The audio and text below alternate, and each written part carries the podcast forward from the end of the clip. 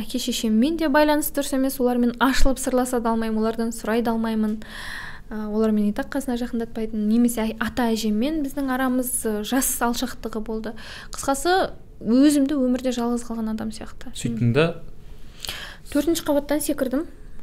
Осознанно иә? Саналы түрде? Саналы түрде. Ешқандай ішімдік вечеринка көбісі ойлайды ғой сен бір нәрседен біреу зорлайын деп жатқанда қашып кеткен шығарсың. Жоқ.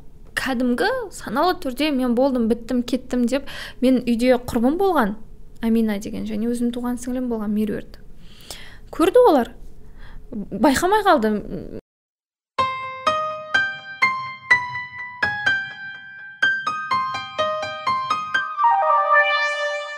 инстаграмда енді енді ресейлік қандай да бір нәрселер шығып жатқан кезде бір курстарын сатып алып арманың орындалады тағы не бірдеңе ақша табасың деген сияқты нәрселерге.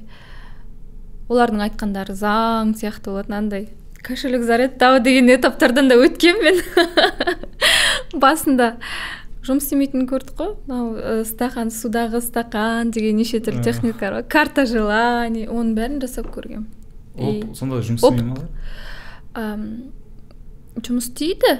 Қатты сенген адамға жұмыс істейді но бір рет жұмыс істеуі мүмкін. Болды. Ол ол мәселе ол жаңағы визуализацияның немесе карта желаний тағы тағы нәрселердің жұмыс істеуінде емес мәселе адамның сенімінде да. Сенді бір әрекет жасады бір қадамды жасады алдынан бір нәрселер ашылды. А келесі кезекте немесе тұрақты түрде соған бүкіл жауапкершілігіңді артып қоятын болсаң мен емес стақан жасап береді дейтін болса жансыз дүниенің оны нәтиже бермегесін біраз уақыттан кейін адамдарда депрессия басталуы мүмкін да. Мен жасап жатырмын ғой деген. Ә, бүгінгі админ аноның қонағы ә, тұлғалық даму бойынша коуч. Менің досым эльвира эргалина. Сәлем. Қош келіпсің. Қош келдім. Рахмет шақырғаныңа. Жақсы. Иә көргеніме қуаныштымын. Мен де. Иә бұрын ә, дастархан басында жолығатын едік. Бүгін? Ужинға микрофон. Иә қара су микрофон және өте қызық әңгіме. Мхм. Қазір енді сен ә, нақты қазір жаңағыдай тұлғалық даму бойынша коуч адамдарға үйретіп жүрсің ғой жалпы. Өзіңнің ә, тәжірибеңнен келіп шығып иә? Ол нәрсеге сен қалай келдің? Не себеп болды немесе не түрткі болды? Сен все деп айтатындай. Негізі мен бұның барлығын бөлісіп жүрмін ғой сторителлингпен. Yeah. бір басымда қоғамдық проблемалардың тоқсан тоғыз пайызы өткен. Бәрі менде десе бәрін көргем өмір көргем. Өте көп жағдайлар болды. Енді оны тарқатып айтып қажет па қажет емес па ең негізгілерін айтайын. Мысалы мен ата анамнан алшақ өскем ата әженің қолында өскем. Оларды ата әже деп емес әке шешем деп қабылдап өскем. Бұл өте үлкен травма береді балалық травмаларда. Ол нәрсе бар. Одан кейін менде андай нәрсе болған.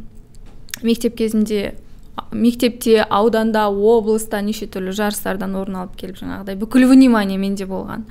Одан кейін ерте тұрмыс құру болды және үлкен қалаға университетке келгенде жаңағы внимание жоқ екенін мойындамау деген нәрселер болды.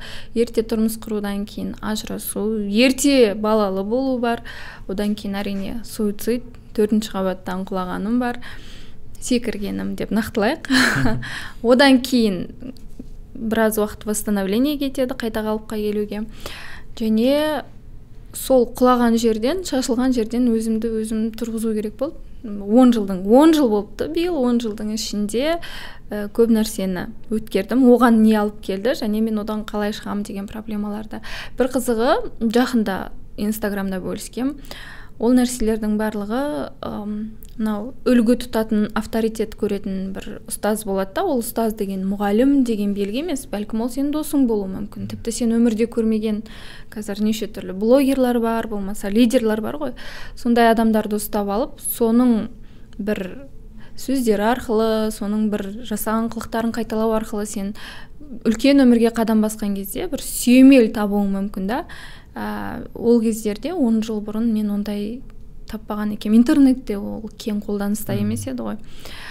Сол нәрсені ойлай келе мен өзімнің жүріп өткен осы тәжірибелерімнің ә, және ол бір нәрсені жасай салдым бола салды деген емес өте көп кітаптар оқылды өте көп ә, психологиялық жеке терапиялар алынды өте көп курстар бар тағысын тағы өте көп қадамдар болды.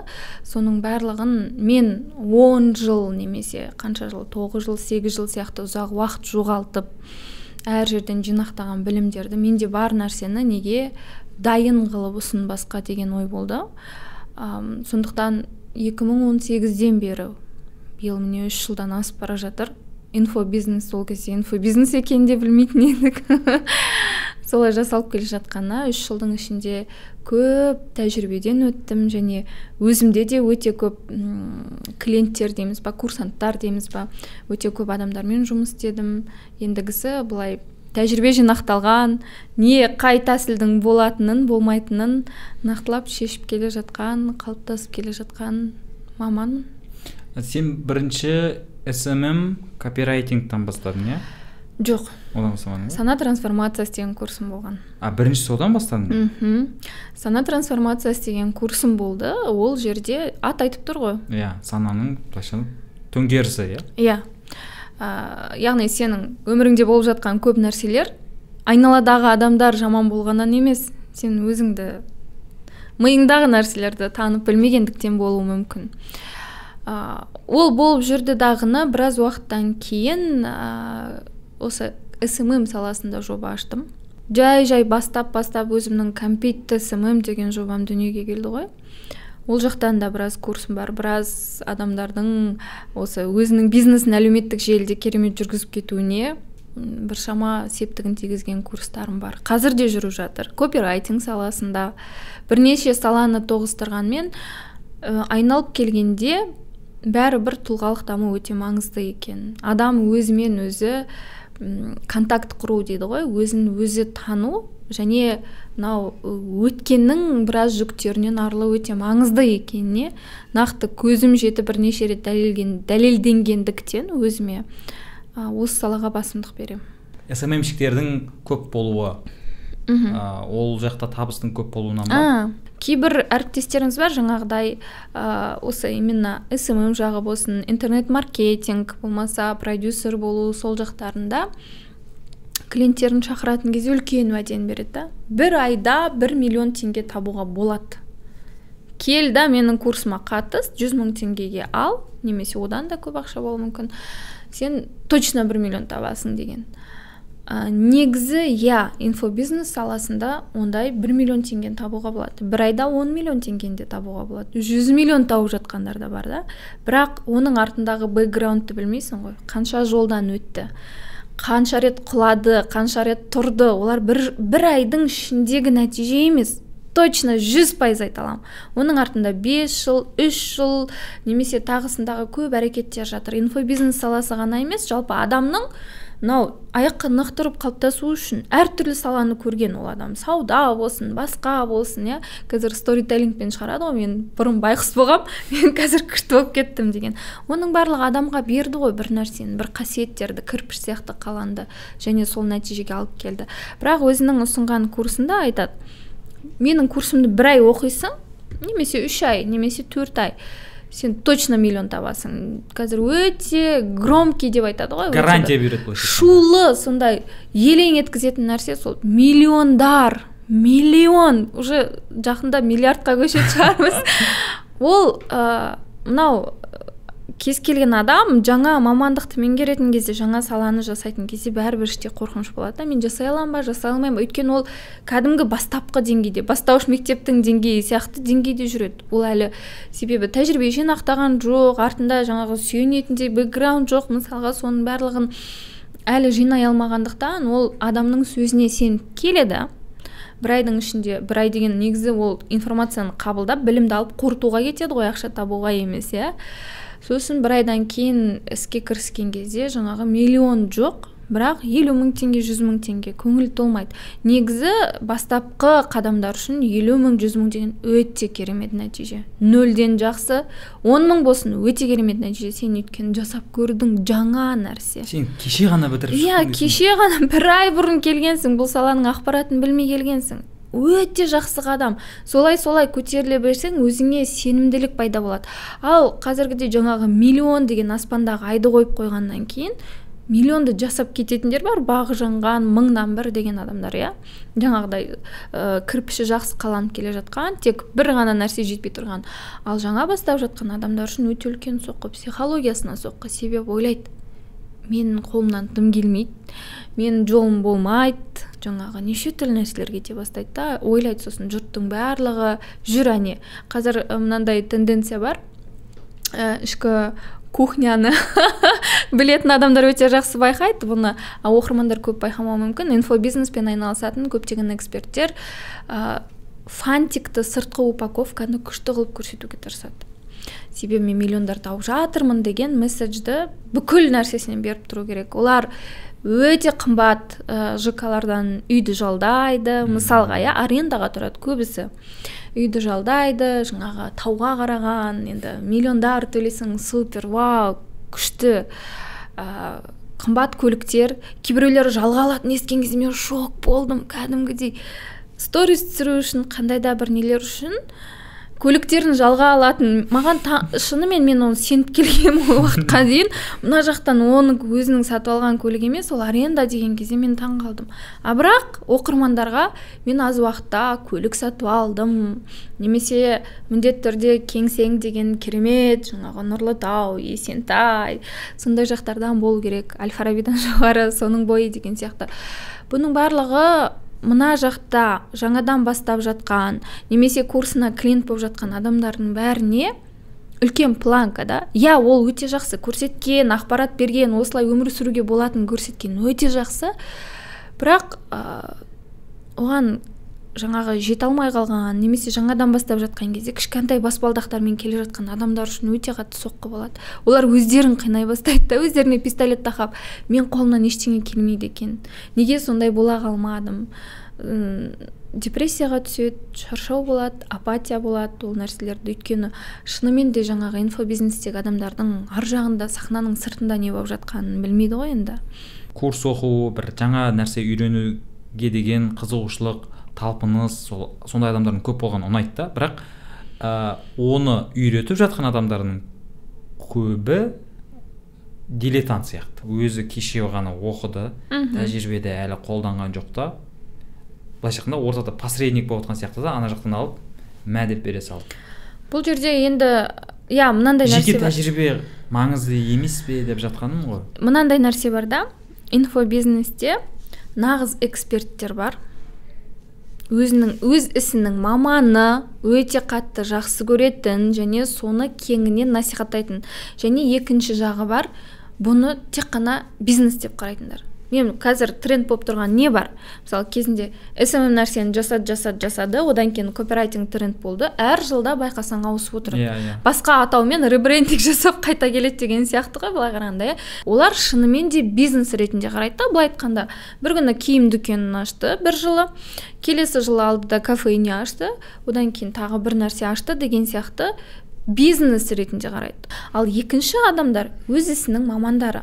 Мысалы жиырма жылдан бері психолог болып келе жатқан қандай да бір маманды алып онлайнға алып келіп эксперт жасасаң ол ары қарай да жалғастыра береді сол саланы. Не болмаса сол сияқты түрлі мұғалімдерді дәрігерлерді алып келуге болады.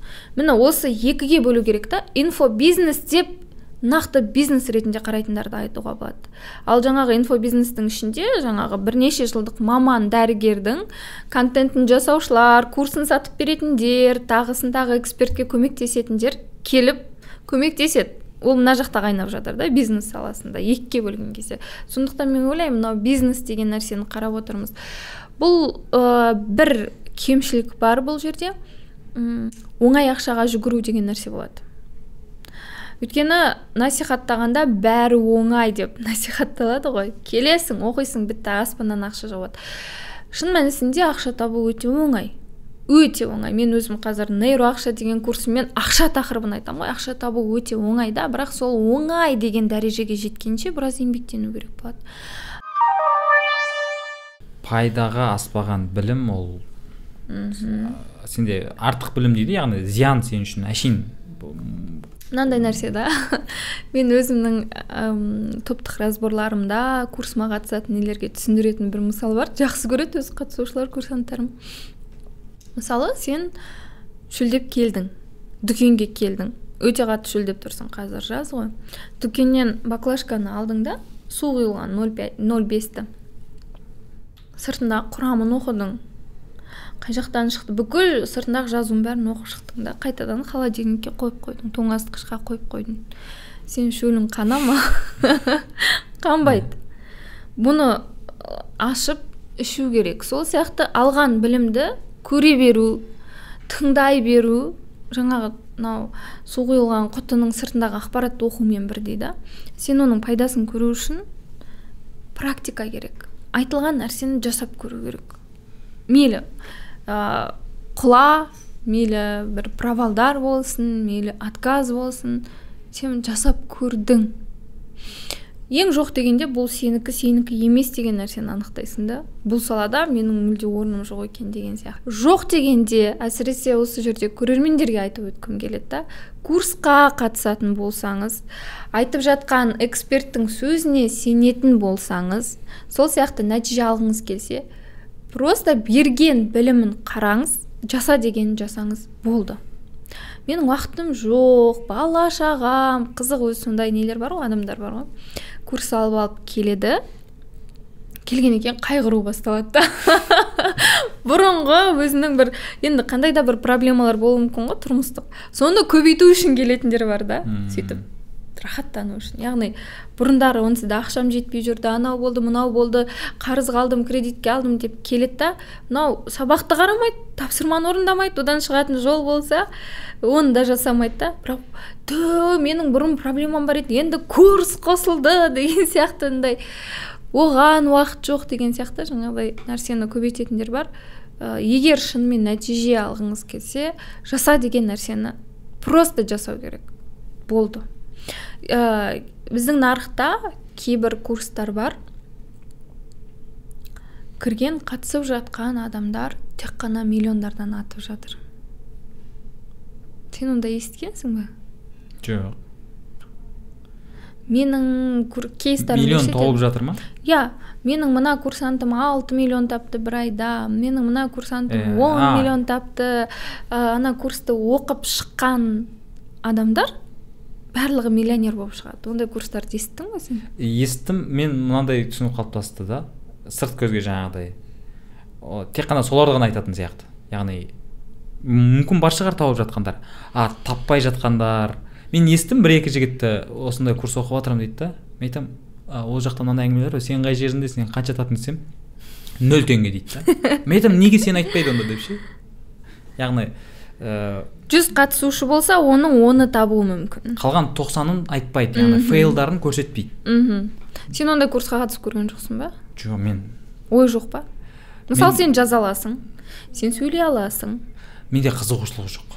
М. мен иә жаңа білім деген нәрсеге бар ұмтылыс бірақ ә, мен қалаған курс әлі өтпей жатқан сияқты. Сен ә, қызығушылығың жоқ па? Әлде анау жан жақтан неше түрлі қармақтарға ілінбей жатсың ба? Ә, мүмкін ол ол да бар шығар мен жаңағыдай не дейді ғой бір сәл сенімсіздікпен қарайтын сияқты күмәнмен қарайсың. иә, күмәнмен қараймын. Сенің басыңдағы фильтр мықты болып тұр ғой онда. Мүмкін мүмкін. Кейбір адамдар менің өзімнен басымнан өткен нәрсе айтайын мысалы мен әртүрлі саланы көрдім. Тек инфобизнес емес бұған дейін телевизия болсын жаңағы ә, бьюти индустрия дейді ғой хейр стилист та болдым немесе қолөнерде жасап көрдім. Әртүрлі нәрсені көрдім да кейде мәселе сен жасап жатқан салада емес кейде мәселе сенің біліміңде де емес. Әйтпесе мен білімім жоқ шығар көп ақша табу үшін тұрақты ақша табу үшін ол кезде ақша таптым бірақ жаңағы пәтерақыма әрең жететін тамағыма басқа жүріс тұрысыма әрең жететін деген сияқты. Сонда мен бір нәрсе білмейтін шығармын білмейтін шығармын. Тағы оқуым керек. Жаңағы ғой курс оқи беретіндердің кейбіреуінің синдромы сондай болуы мүмкін да. Мен әлі жеткіліксізбін. Тағы тағы тағы. Кейде мәселе сенің біліміңде де емес. Мәселе сен салаға таңдаған салада да емес.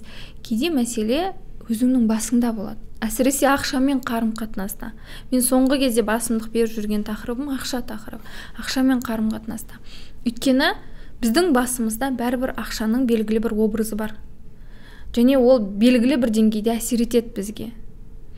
Оны бала кезден бізге жан жақтан құйған әке шешеміз ұстаздарымыз теледидардан неше түрлі фильмдерді көрдік кітаптар оқыдық иә байлардың образы қандай болған еді. Сол образдарды жөндеген кезде түсінген кезде өзіңе назар аударған кезде сол сәтте вообще жасап жатқан салаңнан өте көп ақша табу мүмкін да. Бірақ сен оған дейін неше түрлі білімді де жинап қойдың неше түрлі әрекетті де көріп қойдың. Ендігі бір нәрсе сол мынандай жаңағы сиқырлы таяқшаны іздеп жүретіндер сол бір жерге келіп тіреліп тұрсың да бір мынандай түйінді шешіп жіберу керек уже ары қарай кететін деген сияқты.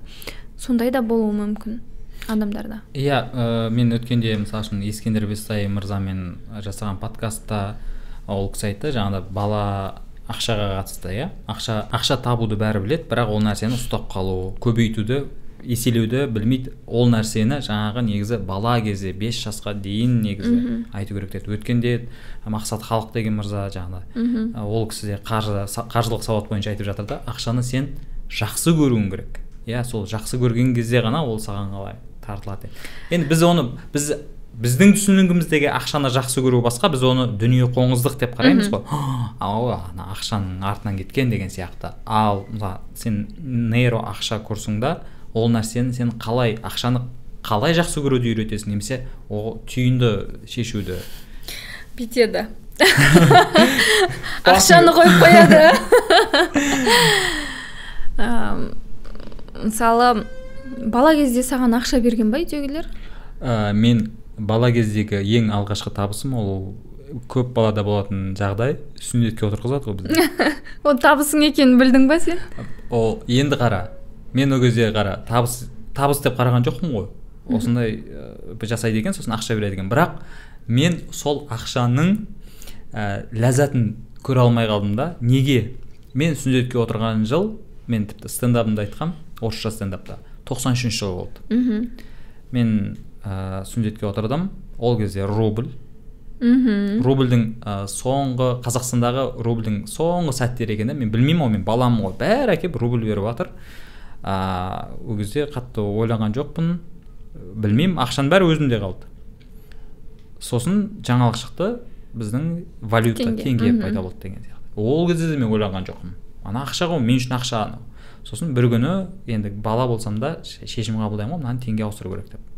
Сөйтіп өзім барғанмын почтаға. А сенде тұрды ғой ол иә? Иә. Почтаға барсам айтады уже кеш кеш дейді да яғни өте жаңағыдай бұрынғыдай бірге бір бірге бір емес енді өз құнында ауыстыра алмайсың теңгеге саған әшейін тиын тебен береді. Мхм. Сондықтан мен кайфын сезіне алмағанмын сондықтан болар әлі күнге шейін ақшаның кайфын сезініп болмай жүрмін деп па? Мүмкін. Иә. Ол нәрсе саған қатты әсер беруі мүмкін. Мынандай да мысалы балалық шақта ә, ата аналар көбісі балаға деген жанашырлық қой енді махаббаттан ә, бала ақшаны жаратса құртып тастайды біреу алдап алып қояды дейді аны көбінесе ұстата бермейді. Yeah. Иә. көп жағдайда қажет дүниелерін барып өзі алып береді. Немесе кейбір ата аналар барып өзінің қалтасындағы жеткен ақшасын немесе өзіне ұнағанын өзінің көзқарасымен алып береді иә. Мысалы менің жағдайымда мен атам мен әжемді мама папа деп өскен адаммын ғой. Маған ақша бермейтін. Негізі былай немен орта статистикамен қарасақ мен ауылда тұрдым иә. Оңтүстік қазақстан облысы еді ол кезде. Ауылда тұрдым аудан емес қала емес. Сол ауылдағы біздің отбасы мен өскен үй ә, орта есеппен орта деңгейінен жоғарылау болатын. Мм. Пәленше бай деген сияқты. Жүреді ғой өздері. Иә иә. Пәлен қойы бар пәлен несі бар деген сияқты. Ә, солай бай деп есептелетін дағыны бай деме иә сол жағдайы жақсы ауқатты деп саналатын да мен өскен отбасы. Ә, көп жағдайда менің қолыма көп жағдайда емес маған почти ақша бермеген. Неге бермегенін білмеймін бірақ сенде бәрі бар деп айтады. Маған барып киімдерді береді тамағың бар бәрі бар саған не керек сенде и так бәрі саған керек емес және маған өте қатты ықпал еткен нәрсе бізде білесің ғой шымкент жақта мақтаға шығатынбыз. Yeah. Иә. кейінгі жылдары қойылды. Бесінші немесе алтыншы сыныпта мақтаға шықтым. Ә, ақшасын жинап жинап беретін қанша болғаны да есімде жоқ. Әйтеуір бір ақша. Және мен анадай жарнамадан ә, пантиннің пантин шампуньның жарнамасы сол кезде керемет болатын. Баян есентаеваның шашы төгіліп есімде әлі бір журналдарға шығатын ше сол шампуньді алып көргім келді. Менің өте қатты. Мақтаның бір жиналған ақшасын берген кезде мен барып сол шампуньді алып келгенмін ол кезде менің ойымша бәлкім ол қымбат тұрған шығар. Өйткені біз ондай шампуньді қолданбадық. Одан арзандары болатын бір сондайларды жуатынбыз. Соны алып келген кезде маған ә, ең бірінші тапқан табысым өзіме жұмсаған былай қарасаң қуанып алып келгем көрем деп. Ә, сол кезде мен қатты таяқ жегенім бар. Ол ақшаны неге сен ондай қымбат нәрсеге құртасың деген сияқты. Одан кейін мен үшін ақша тақырыбы өте ә, бір жабық болды иә? жабық ә, сұрасам да сұрағанның өзінде анадай бір болады ғой бір очко жинау деген ше үйдің тірліктерін жасау арқылы алып келу. Өйткені менің мұғалімдермен ата ана тығыз байланыста болды да мектеп жинайтын қандай да бір ақшаны өздері береді өздері шешеді. Үлкендер бала ғой бала бала деген сияқты солай жүрді. И мен іштен бунт көтеретінмін. Оның бунт екенін қазір түсініп жатырмын ғой. Ә, мен де бармын а так мен де адам болам деген сияқты бунт мен ақша ұрлайтынмын. Біраз уақытқа дейін ақша ұрлап жүрдім. Ұсталып қалып таяқ жейсің. Ойлашы сонымен ақша тақырыбындағы бүкіл ойларың бәрі негатив. Қара бұл нәрсе көп адамда кездесуі мүмкін да үйдегілер ақша бермейді сен сұрасаң барып неше түрлі нету керексің жаңағыдай жұмыстарды жасап очко жинау керексің. Амал жоқ не істейсің? Ұрлайсың. Оны ұрлаған күнде де барып бірден жоқ қылып жіберу керексің. Өйткені ұстап алса тиын тебен сен таяқ жейсің. Ақшамен қатысты нәрсенің бәрі ойла сенде негатив. Сен қалтаңда ақша тұрса таяқ жейсің. Немесе сұрасаң басқа нәрсе. Жоғалтып алсаң таяқ иә жоғалтып алсаң таяқ жейсің. Үлкендер түсініп қарамайды. Сондықтан өскен кезде ақшаға қатысты сенің эмоцияларың негатив. Көп адам ақшаны неге жаратып жібере береді кішкентай кезінде? Қолында ақша болып жатса жаңағыдай қалтасында ұрлаған ақшасын толық жаратпай қалтасына қалып салып қойғандар таяқ жеуі мүмкін. Көп жағдайда ақша деген тұрса қорқыныш болады. Тез тез құрту керек. Немесе ақша жалпы ол проблема керек емес қажет емес деген сияқты түрлі блоктар болуы мүмкін да. Оны әртүрлі оқиғаларды еске түсіру арқылы әртүрлі тапсырмалар арқылы әртүрлі нәрселер арқылы анықтаймыз. Тіпті кейбіреулер болады әке шешесінің орындалмаған арманын алып алады. Өйткені әке шешесі ұзақ уақыт жұмыс істеп жүреді бала шағасын асырау үшін соған керек нәрсені сөз арасында айтып қалуы мүмкін. Сендер үшін жұмыс істедік таңнан кешке дейін базарға шықтым бүйттім сөйттім бала өскеннен кейін өзін кінәлі сезінеді. Мен үшін әке шешем қазір ауырып жүрсе ауырып қалды басқа болып қалды. Енді өскеннен кейін мен әке шешеме үлкен үй алып беруім керек көлік алып беруім керек оны меккеге меккеге апару әрине жақсы болмаса мен шетелге жібергім келеді әлемді аралатқым келеді деген сияқты. Әлі өзі жетпеген әлі өзі пәтерде жалғыз өзі де тұрмайды көп адаммен бірлесіп тұрады. Сөйте тұра тапқан табысын басқа біреулерге бергісі келеді. Немесе кейбіреулер болады әке шешесінің ақшаны көп табу арқылы дәлелдету мойындату.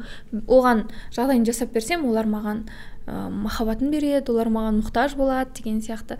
Әртүрлі жағдай. Әр адамда әртүрлі оқиға. Сол нәрселердің барлығын ретте, реттеп отырып жалпы ақша деген нәрсе бұл біздің өмірімізді жеңілдететін құрал. Одан ешқандай қиындық келмейді. Неге жамандық та келмейді? Неге бізге ақша жаман сияқты дүние қоңыз деген сияқты нәрселер неге болады? Себебі біздің ақшамен қатысты түрлі негатив оқиғаларымыз бар да. Болмаса ә, әдебиеттерде мектептегі ұсынылатын әдебиеттерде алдар көсе бар иә білесің. Мектепте көп оқыдық қой.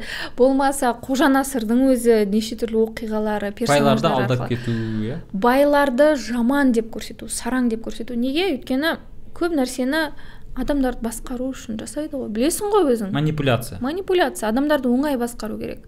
Ә, мысалы басшыға көп айлық сұрамайтын адам маңызды. Көп жұмыс істейтін бірақ көп айлық сұрамайтын адам маңызды мысалы басшылар үшін иә. Қызметкерлер сол сияқты оңай басқарылатын және халықтың барлығы инфобизнесқа кетіп қалса мемлекетте қара жұмысты кім жасайды. Үйлерді кім тұрғызады? Қара жұмыс деген жаман емес. Бірақ барлығы мынандай инфоға кетіп қалса шынымен де мына жақтағы басқа жұмыстар атқарылмай қалады. Ғой сол балансты теңдестіру үшін де кейде солай адамдардың санасын сындыру керек шығар деп ойлаймын бірақ әрине жұмыс істеуге болады ол нәрсемен иә сосын жаңағыдай ғой бала кезде айтылатын сөздердің бірі берген өзіңе берген ақшаны жаңа сен айтпақшы пантинге жұмсап қойсаң айтылатын сөз бар әкең ақша шығаратын заводта істей ма немесе шешең завод сондай ақша шығаратын yeah. Иә. заводта істей ма деген сияқты yeah. Иә. и ол саған шынымен жаңағыдай ақша сен үшін ә, табу бола бастайды да мхм қаша бастайсың иә негізі біз әке шешеміздің сценарийін қайталаймыз ғой. Қарап отырсаң біздің мінез құлқымыз туылғалы берілгенмен көп әдеттерді әке шешемізден көп көзқарастарды көп установка деп айтамыз ғой қазір. Установка деп айтқан yeah. түсініктірек болып қалды ғой. мидағы установка иә көп қағидаларды әке шешемізден аламыз. Әке шешеміз нені дұрыс деді нені дұрыс емес деді солай өмір сүреміз біз. Бірақ сен қазір ә, мысалы жақында бір қызық болды. Есентай молды білесің ғой yeah. Иә. алматыдағы ол жақта әлемдік люкс брендтер бар. Луи виттон гуччи дольче кабана иә. Ол жақта мысалы бір көйлектер миллион жарым тұруы мүмкін. Ә, оны алатын адамдар демек айына оның табысы айлық табысы 100 миллион теңге. Немесе 200 миллион теңге немесе бәлкім миллиардтар шығар иә. Оны алатын адамдар бар. Біз барып он мың теңгеге бір киім алып жүрсек қарапайым адамдар иә. Ә, ол адамдар сол он мың теңге сияқты бар миллионға киім алады. Мысалы ондай да бар да. Ә, ауылдан туыстарым келді. Туыстарым келді ауылдан. Сол жаққа алып бардым. Көрсетіп жүрмін ғой енді алматы қаласында. Сол жаққа алып бардым. Іші әдемі есентайды білесің айналасын сосын түсіндіріп жүрмін осындай брендтер бар. Әлемдік люкс брендтер. Кіріп көрді. Ат шықты мынау не деген сұмдық? негізі бір қызығы адамның ақшаға деген қатынасын білу үшін сондай ә, люкс орындарға апару керек екен. Өйткені мен ол адамның ә, қалай өзін ұстайтынын байқай бастадым. Есентайға кіргеннен айқайлап сөйлеп өзін біртүрлі зажаты ұстап бір нәрселерді жоққа шығарғысы келіп қызық бақылаған қызық. Оны бақылай алсаң оны әй жоқ нетпейсің. Айта алмайсың ол нәрсені. Бақылаған. сосын жаңағы бағаларды көрген кезде мынау не деген сұмдық маған тегін берсе де алмаймын бұл нәрсеге ә, тағысын тағы деген әңгімелер кете бастайды да. Сұмдық бұл халықты анау деген сияқты. Уже ана бағаны көрген кезде көп нәрсесі шыға бастайды да. Ол адамның өзі жаман деген сөз емес. Ол адамның өзі жаман деген сөз емес. Өзіне қаншалықты деңгейде рұқсат ете алатынын көру. Бір адамдар үшін бір миллион деген жылдық табыс. Иә. yeah кейбіреулер жылына миллион да таппайды. Немесе кейбіреулер үшін жаңағыдай барып бір футболка ала салады. Оған ешкім кінәлі емес. Кейбіреулер билікті кінәлайды. Жаңағы адам міне билік қанап жатыр биліктегі ана пәлендердің отбасы ғана киінетін шығар деген әңгімелер кетеді. Жоқ мен барып сол жақтан киім ала аламын. Мен өзіме арнайы өзімнің мынау потологымды ашу үшін мен киім алдым ондай брендтен. Ол адамның өзіне байланысты. Өйткені менде де ондай ой болған да өйткені мен де сол ауылдан шыққанмын ғой. Оған ешкім кінәлі емес адамның өзі. Өзіне рұқсат етуді үйрену керек екен. Бір кездері маған жүз мың теңге пәтер жалдап тұру жүз мың теңгеге бір өзің пәтер жалдап тұру деген ол кәдімгі бір катастрофа болған. Сұмдық болған. Одан кейін ақырындап екі жүзге көтересің үш жүзге. бір қарасаң өзіңде пәтер бар. Жеке баспанаң бар өзіңде. Өйткені сен рұқсат ете бастайсың да өзіңе. Жаңағы балалық шақта бізге үлкендер рұқсат етпейді ғой көп жағдайда. Енді біздің балалық шағымызда білесің ғой. тоқсаныншы жылдар иә ақша жоқ yeah. көп жұмыстан қысқарып жатыр. Ол кезде біз ата анамыз кінәлі емес оған. Ата анамыз барынша өлтіріп алмай өсірді бізді тамақ тауып берді. Оларға қайта рахмет та. Бірақ сол кездердегі шектеулер ақша жоқ қой қазір жетпейді ғой. Ата анадан біз қазір ұзап кеткенмен біз өзімізге өзіміз ата ана болып алғанбыз да. Болмайды анау болмайды. Мынау жаман мынаны істеме мынау қымбат. Негізі күшті нәрсе бар. Жалпы қымбат деген нәрсеге сен қалай қарайсың? Қымбат деген сөзге. Ә, мен бұрын ә, негатив қарайтынмын. Мен өзім мысалымды айтып кетейін. Бұрын мынандай болатын. Жаңағыдай шығар. Мүмкін мен миымдағы установкалар иә. Мен ә, алматыға алғаш келген кезде енді балдармен жігіттермен топтасып пәтер жалдап тұрдық қой. Ол кезде астанаға астанадағы кездерде оны есімде қазір айтамыз. Ә, сол кезде мысалы үшін пәтер жалдап тұрған кезде ары кетсе сен айына 15 мың жиырма мың теңге иә жұмсайсың. Сол кезде мен ойлайтынмын маған ол комфортно.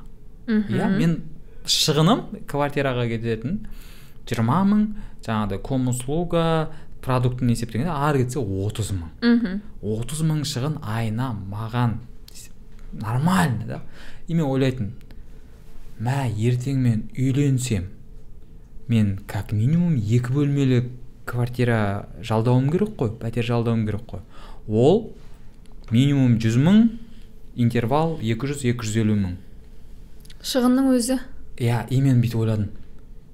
Мә мен ондай жұмсағым келмейді. И өзімді бүйтетінмін пока онда үйленбей тұра тұрайын деген сияқты. Өзіме жаңағыдай шектеулер. Мен сондай табыс табуға емес керісінше сол шығынды қазірден болдырмауға тырысып жүрдім да. Қазір мынандай ә, этапқа көшіп жатырмын да ұнаған нәрсені сатып алуға. Иә? Қалтама ауырлау тиеді бірақ андай ә, сезім басқаша болады екен алған кезіңде ше. Ну киіп жүресің мысалы киімге қатысты айтасың ғой. Киген кезде болсын сен оның шынымен де сапалы екенін өзінің ақшасынан тұратынын дәл осы жерде сөзіңді бөлейінші. Мынандай нәрсе бар да орыс тілінде оқығам ол сөзді өзім орыс тілінде қолданамын мы, нас, не, мы не настолько богаты чтобы покупать дешевые вещи дейді да. Қайта қайта ала бермеу үшін. Иә өйткені арзан тез ақ сынып қалады бұзылып қалады да сен. Арзан арзан арзан төрт бесеу алған ақшаңды қоссаң мына қымбат деп алған бірнеше жыл киетін бір затыңнан асып кетеді да бағасы шы былай қарағанда бұл кедейлік кедейлік ойлау бедное мышление деп айтады. Қазақшасын әлі дұрыс аудармасын таппадым да кедейше ойлау бола ма? Яғни сенің ойыңның кедей болуы. Жаңағы ә, есентай молдаға оқиғаны аяқтамадым ғой. Бұл не деген сұмдық деген сияқты әртүрлі адамның несі шыға бастайды да жаңағы. Ақшаға деген қатынасты бағаны көргенде. Ол ақшаға мен одан да жер алмаймын ба ол ақшаға мен бүйтпеймін ба машина алмаймын ба деген сияқты нәрсе шыға бастайды да. А, мен айтамын ғой ол ақшаны табатын адам бүкіл айлығына бір көйлек алмайды олар. Ол сіздің жаңағы бір көйлекке бөлетін он мың теңгеңіз басқаңыз сияқты ол оларға. Демек оның табысы пәленбай миллион. Жоқ маған тегін берсе де керек емес. Несі артық материалы сол алтын ба деген сияқты көп сұрақ нелер кетеді ғой. Айтып жатырмын неге сол ақшаны табам? Мен де көрем деп ойламасқа. Басында иә сондай қарсылықтар болады. Халықты тонап жатыр бұл халықтың ақшасы деген нәрсе болады да. Сосын айтамын мен де алдым. Бірақ менің көкем жоқ жоғары жақта отырған. Мен өз еңбегіммен өзім үшін бір шлагбаумдарды ашу үшін көрдім. Өзіме бір жаңа есіктерді ашу үшін. Неге мысалы бір мен де 100 миллион тауып көрейін соның кайфы қалай болады екен ол бір кезде мынандай нәрсе маған маған ондай ақша түссе мен жетім жесірлерге берем. Сосын айтамын ғой ай сайын 100 миллионыңыз болса тұрақты түрде түсіп отырса сізде сіз бір рет бересіз одан кейін бермейсіз. Өйткені сіз уже оның асыран асыранды болып кетеді ғой былай Иә. айтқан кезде. Сіз бір рет көмектесесіз немесе тұрақты түрде белгілі бір бөлшегін бөліп отырасыз. Сізде мысалы мысалы сенде 100 миллион теңге тұрақты айлығың болатын болса сен баспанамен өзіңді қамтамасыз етесің көлігіңді аласың бизнесіңе саласың инвестицияларыңа саласың. Бәрібір сен айына максимум жаратып көрдім дегенде бір айда үш немесе 5 миллион жаратасың. Оның өзінде үш мезгіл рестораннан тамақ ішу керек та. Одан артық жарата алмайсың ақшаны ол кезде сен киімдерге назар аудара бастайсың қымбат сумкаларға назар аудара бастайсың. Тіпті бұл нәрсе бренд деген мынау адамның ә, табысына қарай бөлетін болсақ жоғарғы ортадан жоғары таптағы табысты адамдардың бір бірімен сөйлесу тілі бренд. М, сенің үстіңнен бір брендті көремін. А мынаны алдың ба? Демек сен тіпті оны танудың өзі иә иә. кәдімгідей біраз нәрседен хабар береді да. Демек сенің айлығың жақсы табысың жақсы. Айлық деген сөзге үйреніп қалғанбыз ғой. Мынандай сөз бар ғой. Бізде енді орыс тілінде айтады жаңағы не прибедняйся деп ше? Мхм. Ә, бізде біз ә, өзімізді бейшара қылып көрсету негізі бізге ә, тиімді. Ой ақша жоқ ой мен бұйырғаны деп сөйлеуші. Сосын ә, тіпті дінде де, бар да негізі. Сен табысыңа қарай киін дейді да табысыңа қарай жүр. Жаңағыдай не прибедняйся өтірік иллюзия жасама не өтірік байығып көрсету емес немесе ә, қарапайым болам деп қатты төмен түсіп кетпеу. Иә. Шамаң бар ғой. Жақсы табыс табасың. Қымбат көлік мін. Жақсы пәтерде тұр немесе үйде тұр иә. Киімің де соған сай болу керек деген сияқты. А біз меніңше жаңағыдай сен айттың ғой байларды сараң қылып көрсету жаман қылып көрсету байлардың бәрі коррупционер ретінде қарау оларға. Байма уже оны жек көріп тұрады. Сондай нәрселер бар да сондықтан да көбісі жасырады бізде. Мысалы үшін инстаграмда өзің де байқайсың ғой біреу ә, көлігін немесе шетелде қыдырып жүрген салса міндетті түрде астында негатив комменттер болады. Керден алып жерге салып иә одан да сол ақшаны үйтпейсің ба бүйтпейсің ба немесе жаңағыдай халықтан тонаған ақшаларың ғой деген сияқты сондай. Ол негізі дұрыс емес нәрсе ғой. Нұрмахан негізі ақша бұл ересек адамдарға болады. Ересек ол жасымен емес санасымен. Жаспен емес. Иә түсіндіремін қазір. Көп ақша жалпы ақша ересек адамдарда болады. Тағы қайталап айтқым келді. Өйткені ақша деген нәрсе жауапкершілік. Не үшін жауапкершілік? Мысалы сен біреуге қызмет көрсетесің ба? Ол қызметті бастан аяқ бастан аяқ көрсетіп шығатының нәтиже беретінің немесе клиентті өзіңе шақырғаның тағысын тағы өте көп жауапкершілік. бір нәрсе сатсаң да оны жасап шығу жауапкершілік. Ой мен бүгін басым ауырып тұр деп жата салмайсың. Сен тұрақты түрде өзіңе өміріңе ақшаңа жауапкершілік аласың да жасайсың. Мейлі сен ауырып тұрсың ба мейлі сен қиналып тұрсың ба бәрібір жасайсың да. Жаңағыдай мен ананы хочу не хочу деп бала болып кете салмайсың.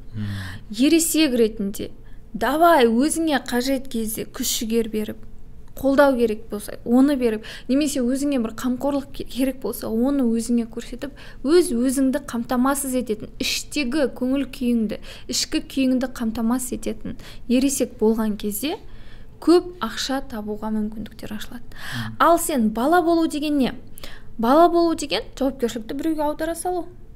Маған билік бере салса кредитім жабылып қалса бір чемодан ақша тауып алса мен көп армандайтынмын. Мен де өткенде стендапта айттым бірақ ол ол әзілдерімді шығарт, шығартқызбайтын болдым өзіме ұнаған жоқ. Сол кезде айтамын да мен ә, мен қазір қосымша жұмыс тауып алдым. Ыыы көшеден ақша іздеу таңертең жұмысқа бара жатқанда ақша іздеп шығам қайтар жолда ақша іздеп қайтам деген сияқты. Бала болу деген сол ғой мен ештеңе істемесем мен қатысым болмаса бірақ кенет бай болып кетсем. Жаңағыдай эзотерика бір неше түрлі кошелектар бар иә. Немесе құрбақанның аузына тиын қыстырсаң немесе тағы не карта желаний деген нәрсе. Көп жағдайда мысалы аффирмацияны оны да қолданудың орны бар бірақ соған қатты тірек қылып алады да мен жасамаймын тірегім бар. Мысалы бала үшін тірек кім? Әке шешесі бала өздігінен барып тамақ істей алмайды. Әке шешесі жасап берсе оны жейді. Немесе бала өздігінен барып дүкенге барып кішкентай балалар үлкен дүкендерде сауда саттық жасай алмайды ол иә саудаласа алмайды немесе тағысын тағы өзіне қажет дүниелерді анықтай алмайды. Оның қасында үнемі ересек адам керек. Бала болу бала состояниесінде болу деген нәрсе сол. Сен өз өміріңе жауапкершілік ала алмайсың жасап беретін бір нәрсе керек. Сен жасамайсың мен жасамасам ештеңе істемесем но бір нәрседен чудо болып кетсе класс болып кетсе. Бала болған адамда ешқашан ешқашан көп ақша болмайды. Өсу керек ересек болу керек өз өміріңе жауапкершілік алу керексің. Иә курсқа қатыс немесе білмеймін қатыспасаң да интернетте тегін ақпарат көп. Өте көп негізі иә. Иә тап болмаса бір нәрсе жаса әйтеуір бір қимылдаған адамда ақша болады. Және мына миындағы жаңағы ақшаға қатысты образдарды өзгертетін болса өзінің негатив оқиғаларын тарқатып сол кездегі тапталған эмоциялар шықпаған нәрселер бар қорқыныштар болады иә? Соның барлығын өзімен танысатын болса неге мысалы кейбіреулерде потолок деген нәрсе болады айына 500 табады да ары қарай өте алмайды? Қанша нәрсе қосса да өте алмайды. Міні міні болып тұрса да басқа жаққа шығын болып кетіп қалатын адамдар болады иә? Неге ол потолоктан ары қарай аса алмай жатыр? Соның өзін көру. Миллионға дейін жет миллион емес тіпті екі жүз мыңға жеткен адам өзі жеке кәсіп бастап жалдамалы жұмыс емес. Екі жүз мыңға жеткен адам екі жүз миллионға да жете алады. Бірақ мынау жолды кеңейту керек та. Өзің ойлашы мысалы жазықта қар жауған кезде аппақ қар жауған кезде сен өзің жолмен жүрсең бір аяқ жол болады иә. Оны ашсаң үлкейе береді. Уже сен қардың үстіне бір шыққаннан кейін оның қай жерден келетінін білесің. Оған қатып қалмайтын градусың қандай екенін білесің үсіп қалмайтының да. Сол сияқты сен уже жолыңды кеңейте бересің да шамамен. Сол сияқты екі жүз мың өзің таба алдың ба? Ары қарай екі жүз миллионға да жете аласың жұмыс істеуге болады. Әрине ол сен миыңдағы бір нәрселерді бүйтіп қойып отырмайсың ол кезде жауапкершілігің күшейеді. бір қорқып тұрған нәрселерге тәуекел ете бастайсың. Ә, бағаңды көтересің баға көтеру деген өте үлкен проблема. Мм. Қымбатқа сата бастайсың немесе сен өніміңді апгрейд жасап күшті қыласың. Иә бір нәрселерді қосасың деген сияқты. Жалпы көп ақша ересек адамда ғана болады. Ал жаңағыдай иә комментарийлерда болатындар енді бала деп түсінуге болады да бала. Маған неге әкеп бермейді? Мен қиналып жатырмын ғой. Жұмыс жоқ қой. Көп байқайтын нәрсе м кәдімгідей біз айтамыз ғой жаңағы тепсе темір үзетін жігіттер келеді да көшеде ақша сұрайды. Аха. Семьям жаңағы мындай квартира төлеу керек еді осындай бір жағынан ойлайсың да жаңағыдай ну бере салайын деген сияқты енді типа садақа ғой деген. Бірақ мен де сондай ситуациядамын ғой мен де пәтер жалдап тұрамын. Мхм. Мен де дәл сен сияқты прибедняться етсем болады. Мхм. Жаңағыдай да ештеңе істемей қол жая салсам болады. Бірақ сондай андай сәл не болып қалды да менде. А неге? Сен неге жұмыс істемейсің? Сен әрекет жасадың ғой жұмыс істеуге. Ең оңайы жаңағыдай ә, барып біреуден қол жайып сұрай салу ғой. Әрекетсіз ақша табуға ә, жоқ ол негізі ақша табуға әрекет жасап әрекет жасап отыр бірақ қай тала тараптан Қандай жолмен? қандай жолмен тауып жатыр? Қайғы арқылы ақша табу деген нәрсе мысалы біздің қазақ ұлты өте ақылды да. Өте ә, жаңағыдай қазақтар анау мынау деген нәрсе келіспеймін. Бізде бәрі болған осы психологияда болған бәрі болған. Мен қазір өзі нейролингвистикалық программалық нлп саласына қызығып жүрмін да. Менің айтып жатқан жаңағы әңгімелерім де сол жақтан алған білімдермен өзімнің тәжірибемнен шыққан да. Нлпді зерттеп келгенде біздің кейбір дәстүрлерге келеді. Мм. кейбір нәрселері иә. Өте ұқсастық көп. Немесе біздің дініміз ислам дініне өте қатты ұқсайды. Мысалы миды жаттықтыру немесе жаңағыдай көп ақша екеуін салыстырсаң әртүрлі насихат болуы мүмкін подача әртүрлі болуы мүмкін бірақ айтып жатқан нәрсесі бір да. Біздің дінде де біздің қазақ ұлтындағы түрлі салт дәстүрлерде де бар да ол нәрселер. Және м, қазақта бұл неден шықты? Қазақта жалпы бұрынғы дерек көздерден қарасақ асар деген нәрсе болған. Иә? Келіп біреудің үйін бітіріп беру ол ұйымшылдыққа тату тәтті болуға үндейді мысалға. Не болмаса жетім жесірді жалғыз қалдырмаған алып кеткен ол нәрселерді болашақ ұрпағы үшін деген сияқты. Біреуде қайғы болып жатса жаңағы ақшасын бірдеңесін жинап көмектескен иә? Ол қазақ ұлтында бір біріне сүйемел болған. Тіпті байлардың өзі бұрынғы мынау кеңес үкіметі келгенге дейінгі байлардың өзі өздерінің әулетін ә, жаңағы қажет ә, малмен тамақпен қамтамасыз етіп отырған немесе жұмыспен қамтыған деп айтады да мал шығылып ұстаса да мысалға ше. Яғни ол кездерде көмектескен а, бәлкім сондай бір сол ә, дәстүрлер былай өзгеріп өзгеріп өзгеріп бізге жеткен кезде қазір бізде асар деген нәрсе.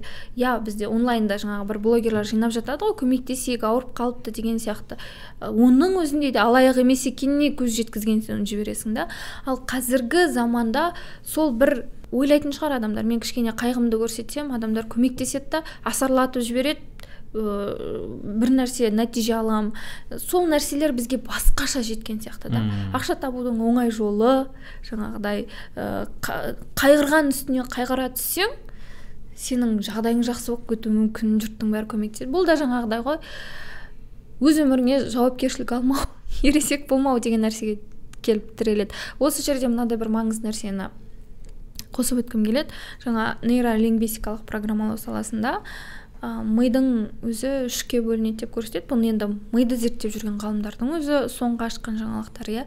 Рептильді ми лимбикалық жүйе және неокортекс деп. Рептильді ми деген жаңа біз айтатын түп сана түбінде жатқан ол. Негізгі біздің мынау адам ретінде ешқандай ой жоқ басқа жоқ өміріміздің сақталуына ұрпақ жалғастыру деген сияқты кәдімгі бұрынғы ежелгі адамдарда да болған әрекеттерді сол рептильді мида жатыр да. Өміріміз сақталса болды бізге қауіп төнсе қашып кетеміз или соғысамыз деген сияқты нәрселерге.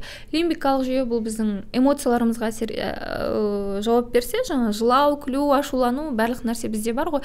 Ал неокортекс деген бұл біздің күнде миымызда айналып жатқан ақпарат сырттан келген ақпарат. Өзім мен қазір саған осы сөздерді неокортекске сүйеніп айтып жатырмын да. Ой қорытып алған білімім тағы тағы деген жиған нәрселерім. Кейбіреулер болады типа көрсетпе қарапайым бол жасыр көз тиеді деген нәрселер бар ғой енді. Ол көз тиедінің өзінің тарихы бар иә қайдан шыққаны. Сондай айналаңнан өзіңнің туыстарың достарыңнан негатив күте берсең мен өзімді жаман қылып көрсетсем жаңағыдай қайғымды айта берсем иә жертва бола берсем маған сырттан біреу көмектеседі деп ойлау иә бір екі рет көмектесуі мүмкін. Бірақ ол сені асырап алмайды ғой күнделікті тұрақты түрде беріп отырмайды ғой. Ең жаман зияны жертва бола берудің өзіңнің жағдайыңды төмендетіп жаман қылып көрсетудің. Сенің миың соған программаланып қалады. Бейімделіп бейімделеді. Айналадан айналадан сондай ситуацияға түсетін оқиғаларды іздей бастайсың. Мысалға біз сен ағылшын тілін білесің. Мен ағылшын тілін білемін бірақ біз біліп туған жоқпыз. Біз қазақ тілін де біліп туған жоқпыз негізі. Біз негізі аппақ қағаз болып мындай дым сөйлей алмайтын ештеңе оқи алмайтын болып келдік. Жылауды ғана білдік қой иә күлуді басқа нәрселерді білдік. Бірақ бізге программа отырғызды ғой. Қайталай берді қай... есіңде ма? А деген әріпті бір бетті қанша бетті толтырып жазып шығатын едік. Бір деген санды нөлді yeah. Мектепке барғанда. Оның барлығы миға программа отырғызу. Сен не нәрсеге жаңағы ақшаға қатысты да сен жоқ жоқ қымбат айналаның барлығы жұрттың бәрі жаман немесе ақшам жоқ мен бұған болды мынадан аспауым керек деген сайын сен өзіңді өзің түрмеге қамап шектей бересің да? Миың соған отырады. Болды бітті ақша жоқ. Ә, табысты көтере алмаймын клиентім жоқ мен қолымнан келмейді. Өзіңді өзің программалайсың. Ә, міне осы жердегі нәрсе бұл мен қолымнан келмейді деген нәрсе де аффирмация негізі. А мен қолымнан келеді деген нәрсе де аффирмация. Бұл аффирмация деген нәрсе жаңағы айтатын бұл. Просто ішкі сенім ғой. Өзіңді сендіру самовнушение. э, самовнушение болғанда да миыңды программалау негізі. Ол аффирмация айтып құр сөз қайталап көзіңді жұмып отыра беру емес айналадан іздеу. Мысалы сен дәл осы бөлмеде қызыл түсті қазір бір елуін тауып бере аласың. Мхм. Жүзін тауып бере аласың. Бірақ бір кіргенде байқамауың мүмкін. Yeah. Иә. сен фокус қойған кезде ғана оны іздеп таба бастайсың. Сол сияқты да сен егер негативке фокус қойсаң айналаңның бәрін жаман қыла берсең мен сенің қазір бойыңнан жүз жаман қасиетті тауып бере аламын. Ол кезде біз екеуміз қырылып қаламыз. Немесе жүз жақсы қасиетті тауып бере аламын. Ол кезде сенің маған құрметің менің саған құрметім артады да. Сол сияқты. Фокусты қайда қоясың? Ол әрине өзіңді алдау емес. Қазір бір жаңағы аффирмация деген нәрсеге негатив та мен оған бір нейтрально қараймын. Себебі оны сол сөз ғана ғой ал негізгі түпкі нәрсесін түсіну керек та не үшін екенін ше ә, кейбір адамдар бар иә көзін жұмып алып бүйтіп отыра береді да сол бір сөз айтсам болды жаңағы бала кейпіндегі а ересек адамдар оның қалай жұмыс істейтінін түсінеді деп ойлаймын. Ол бар болғаны миыңды бұру фокусыңды бұру. Мысалы сен телеканал көріп отырсың саған ұнамайтын передачалар өтіп жатыр сен ауыстырасың ғой. Ұнайтынын тапқанша көресің ғой. Немесе интернеттен де іздейсің ғой өзің жаңағы сториз қарап отқанда да бір өзіңе ұнайтындарын іздеп жүріп оқисың ғой мысалға. Сол сияқты да фокусыңды бұру.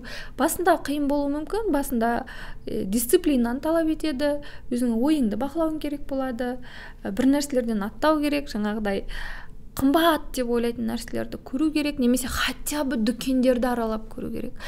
Үй алғың келе ма? Ең болмаса крышадан қара қандай потолок қанша екен алматыдағы ең қымбат пәтер сатылатын бір миллиард теңге екен.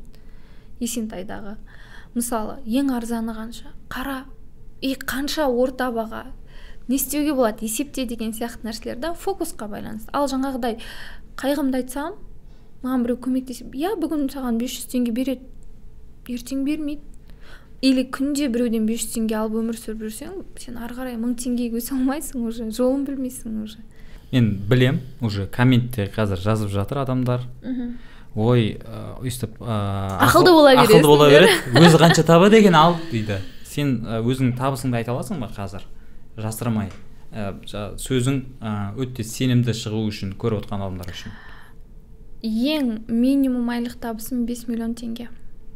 Ол ә, кезеңіне байланысты ма?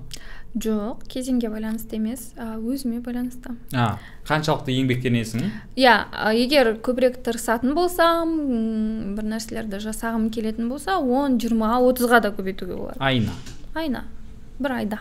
Енді аймен есептейсің ғой бір Иә, иә. циклмен. А егер на расслабоне немесе көп жағдайлар болады сен жұмысқа кірісе алмайтын жағдайлар болады. Ол кезде жоқ дегенде 5 миллион. Түсіндіңдер ма? өміріміздің тағы бір кезеңі бар ғой екеуміз бір уақытта астанаға көштік. Мхм. Ә, қазіргі нұр сұлтан қаласы елордамыз. Ә, астанамыз астана еді ол кезде. Иә. Бір уақытта көштік. Ә, бірге тұрғанымызды айтпай ақ қояйық. Бір пәтерде. Мен сенің шашыңды бояғаныңды айтпай ақ қояйын. Сен шынымен менің шашымды боядың ба иә. Есімде жоқ.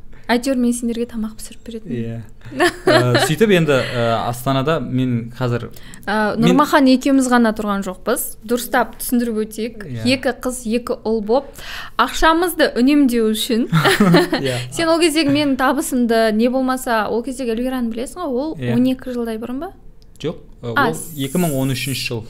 Сегіз жыл иә? Иә. Сегіз жыл бұрын ол кездегі эльвира қандай еді?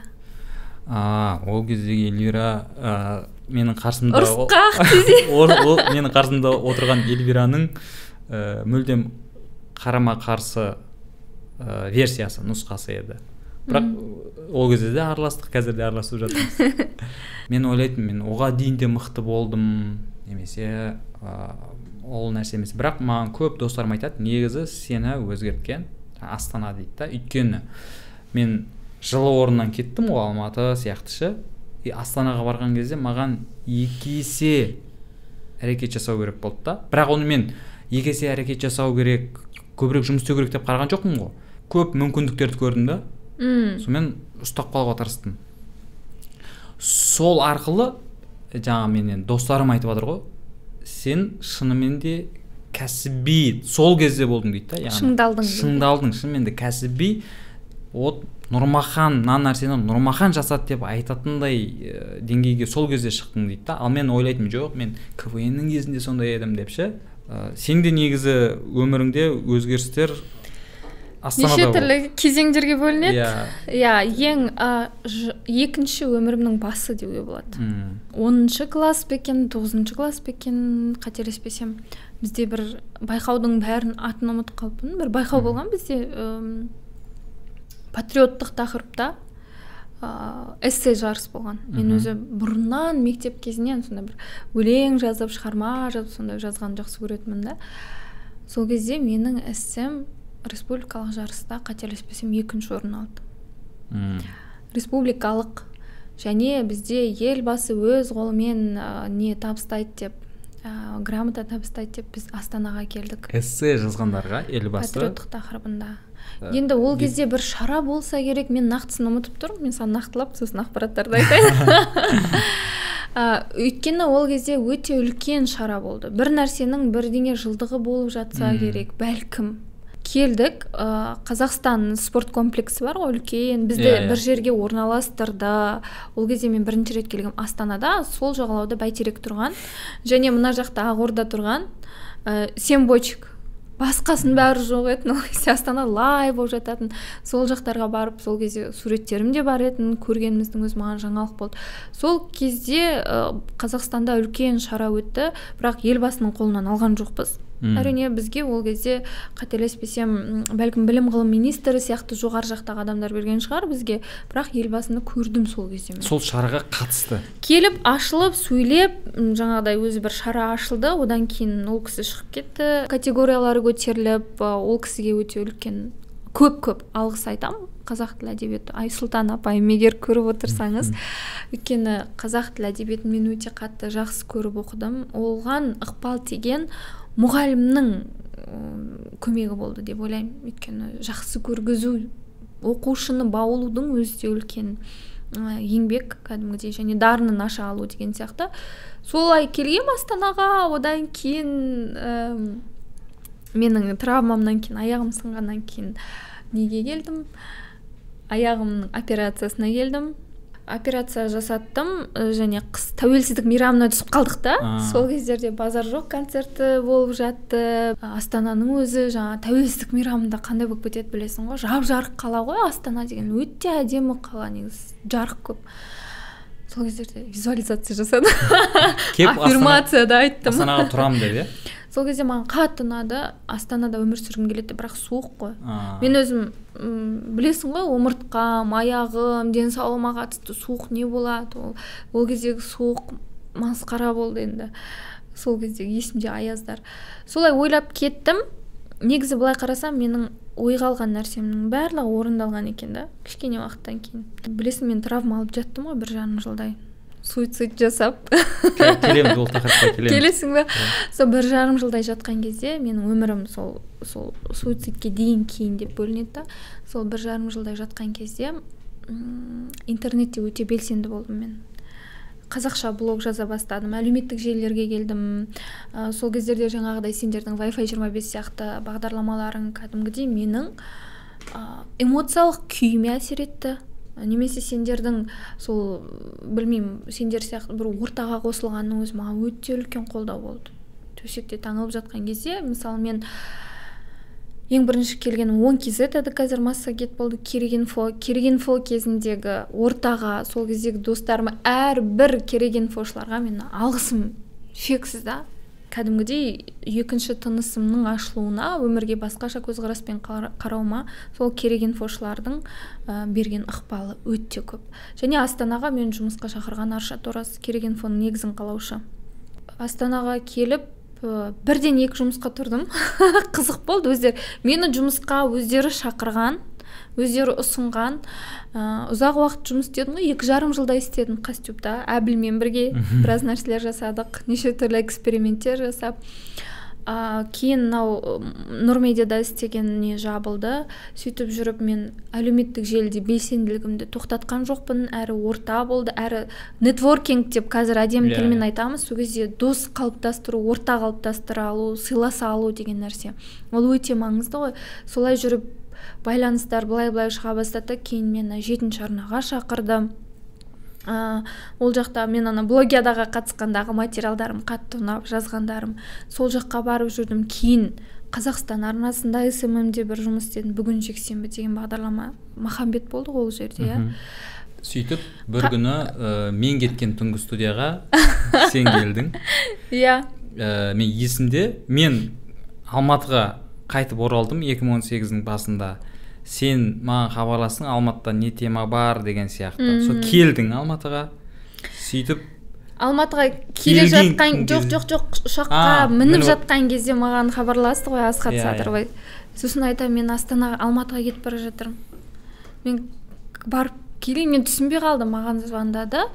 Эльвира түнгі студияның құрамы ауысып жатқанда білмейді екенмін. Әлде білдім ба есімде жоқ. Ә, түнгі студияға жүргізуші болып қайрат әділгерей болады соның жанына қосалқы жүргізуші керек көмекші жүргізуші керек. Соған сені кандидат қылып қарап жатырмыз деді сосын мен түсінбей қалдым мен ол кезде таңшолпанда ә, креативный продюсер болып жүрген едім ғой. Қызық болды. Бірақ олар маған нақты сен боласың деп айтқан жоқ. Біз ә, төрағаға көрсетеміз каналдың төрағасына. Егер ол бекітсе боласың деді. Сосын келдім да сендермен сенімен ақылдастым ғой бірден нұрмахан сен осылай болып жатыр. Қоянбаевтың нұрлан ағалардың кеткенін мен сол кезде білдім. Сен маған келіп ақылдастың мен айттым өзің шеш дедім. Бірақ ыыы ә, көр дедің. Иә көр дедің негізі маған ол кезде қызық болды. Өйткені дәл сол кездегі ә, эльвира. Ол кездегі эльвираның мақсаты эфирге шығу еді. Өзін дәлелдету. Білесің ғой? Иә. Өзгелерге дәлелдеу үшін не жасамадым? Ойыма келген нәрселерді жасадым. Иә неше түрлі эксперименттер де болды. Неше түрлі образдар да образдар да болды. Шашымды қызыл да қылдым басқа да қылдым ол кездегі менің сол ішкі жанталасыма сай мен өзімді жаңағы дәлелдеуім керек та. Ауылдағы класстастарым бар баяғы ауылдастарым бар. Эльвира деген. Ой кімсің эльвира? Республикалық жарыстарда орын алып жүрген. Мықты эльвира қазір қайда жүр не істеп жүр деген сияқты бір дәлелдеймін деген. Іштегі травмаларды өтегім келген. Мен үшін жаңа бір челлендж басталды. Сол кезде менің бірінші алысқаным тәнім болды. Сонда менің іштегі состояние мен әлі жеткіліксіз ә, жеткілікті түрде лайық емеспін деген программа болған ғой өзімде. Бірден тәніммен алыстым арықтауым керек мен ойбай ол камера қосады бүйтеді сөйтеді қазір қарасам сол суреттеріме семіз деген ештеңе жоқ та. Бірақ сол кезде иә салмақ тастадым. Ә, шашым қиылды білесің ұзын болып тұрған беліме түсетін шашым қиылды. Кәдімгі роза рымбаева дедің ғой сен бірден. Yeah. сол образбен шықтым. Сөйттің да бір маусымнан кейін. Түнгі студиядан шықтым. шықтың шықтың шығарды. шығарып жіберді. Иә басшылықтың шешімімен солай болды. Енді иә өздері қабылдады өздері басқа адамды көру керек болды. И сол сәт сенің өміріңде қатты былайша айтқанда бетбұрыс болды ғой поворот болды иә? Сен ренжідің. Ренжідім. Иә мен есімде сен ренжідің. Пост жаздым. иә кәдімгідей басшыларың ойбай деп олар жоқ мен олай демедім жоқ ол кісілер сенің постыңа деген реакциясы есімде. Сөйттің да сол сәттен кейін сен бетбұрыс болды. Сен жаңағыдай осындай қазіргі айналысып жүрген істеріңнің басы сол жерде басталды ғой енді. Старт. Иә. Иә иә. Резкий былайша айтқанда бұрылыс. Сөйтіп бір күні сен түркияға көшіп кеттің. Сол кезде сен ә, түнгі студияға қазақстан телеарнасына деген ренішің елге деген бүтін мемлекетке иә бүтін бүкіл біздің сүйікті еліміз қазақстанға деген реніш болды ма сонда? А, негізі иә менде өте қатты реніш болды. Себебі жаңағыдай ғой мен бала эльвира болып келген мен былтырға дейін бала болып келген сияқты көрінемін өзіме ше әрекеттеріме анализ жасасам. Аңсап жеткен едім ғой ол неге? Түнгі студияның ол кезде сендер керемет нұрлан аға бәрің үлкен команда ә, керемет деңгейге жеткізіп кеттіңдер ғой ол кезде иә. Сол түнгі студияда істеп жүрмін атак деген бір нәрсе пайда болды да мен эфирге ұмтылып көрмегенмін эфирге бұрын соңды шықпаған мен мына жақтан бірақ шықтым деген эгом қомпайды және сол биіктен былай айтқанда көтеннен бір тепкендей болды. Маған өте ауыр болды. Мен үш айдай ешқандай байланыссыз үн түнсіз ә, жатып қалдым. Өте үлкен депрессия болды. Және сол кезде мен өзіммен кездестім деуге болады. Ішкі эльвирамен кездестім деуге болады. Неге мен сырттың жаңағыдай ғой ә, бүкіл елдің алдында мен абыройым түсіп қалған сияқты осы жақтан кеткенім. Сондай сияқты да соққы болды ғой. Негізі түркияға көшу ойымда болмаған. Мен түр, түр, мен америкаға тапсырып визаға тапсырып көрдім. Кеткенде де ұзаққа кетемін. Қазақстанға мен көрсетемін деп сөйтіп жүрген ой болды. Енді бір ғана ситуация ғой негізі мен түнгі студия ұжымына дәл сол кездегі оқиғаларға мен рахмет айтамын да. Сол болған нәрсе. Иә yeah, yeah. мені қазіргі деңгейіме алып келді ғой. Бірақ ә, америкаға тапсырып көрдім маған виза берген жоқ. Енді мынандай задача ой болды да менде. Шетелге кетіп америкаға кетіп қалсам ана адамдар өкінеді. Басқаларына өзімді дәлелдеймін деген сияқты.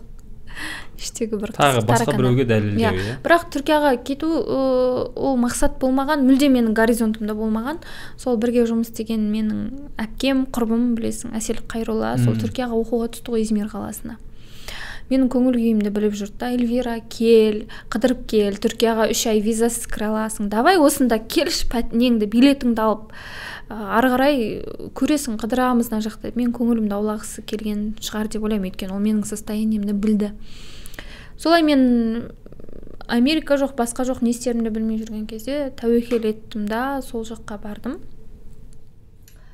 Ә, рахмет айтамын әсел аблам абладжым teşekkür ederim size ve çok özledim. Сол жаққа бардым. Ол ә, менің өмірге мына бүкіл теңіз бар жаңа жер жаңа өмір бүкіл менің өкпе реніштерімнің ыдырауына көзқарасымның өзгеруіне ықпал етті. Ол жақта жарты жылдай тұрдым ғой. Жарты жылдан астам уақыт тұрып қайтадан қазақстанға келіп ә, мен сол кезде түркияға өте қатты ғашық болдым. Бұрын соңды былай барып көргем бірақ анадай демалыстар ғой турмен барасың. Иә иә. Солай менің түркияға деген махаббатым ашылды. Сөйтіп қайтадан қазақстанға біраз уақыт қайтадан ба? Ары бері екі ортада кәдімгі астана мен алматының ортасы сияқты болып қалды маған қазір. Ыыы стамбулда тұрып көремін дедім. Стамбул енді әлемдегі ең қымбат қалалардың бірі деп айтады. Ыыы мегаполис жиырма миллион халқы бар.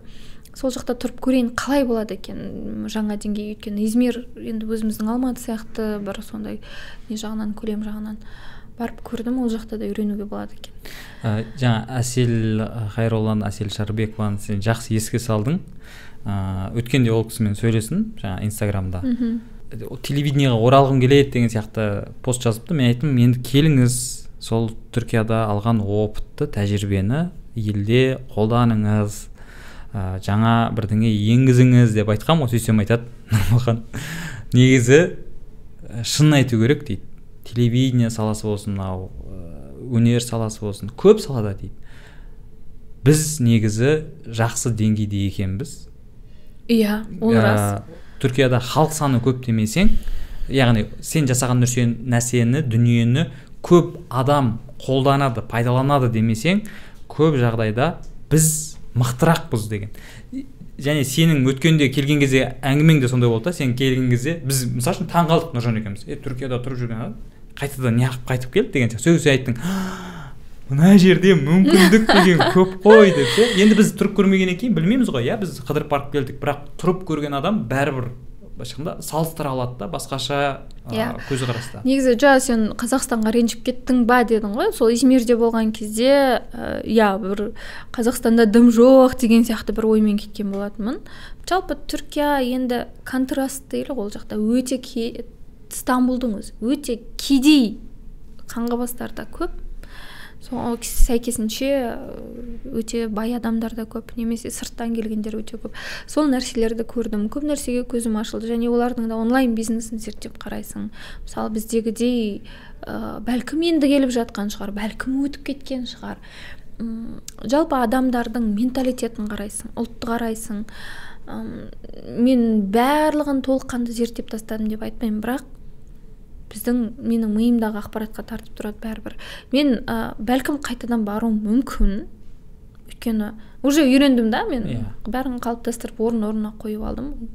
Жұмысым онлайн болса неге мысалы бармасқа деген сияқты. Ә, бірақ өте тез келуіме мен жазды өткеріп күзге қарай бір келем деп ойлап жүргенмін. Жазда әке шешем келеді қызым келеді деген сияқты. Ә, ертерек келуіме ердоған себепкер болды. жиырма күндік карантин жасады ғой. Үйден мүлде шығуға болмайтын сосын ойбай не істейміз жата береміз. Ба үйде қазақстанға келейік деп. Ә, сол кездерде түсінгенім ол жақта бәсеке. Кәдімгідей өліп жан таласып ақша табады адамдар. Сосын ол жақта мемлекеттің өзі налог өте көп. Көлік қымбат шеттен келетін шетелдік көліктерге налог бір бағасындай көліктің. Және стамбул екіге бөлінген ғой азия жақ еуропа жақ көпірден өтесің туннельден өтесің ары бері жүресің. Жолдар екінші қалаға бару теңіз үстімен баратын болсаң да жолмен баратын болсаң да көпірмен өтсең де ақша. Мемлекет түркия сен статистиканы қарап көр. Осы пандемия кезінде экономикасы көтерілген жалғыз мемлекет. Мм. штрафты аямай салады.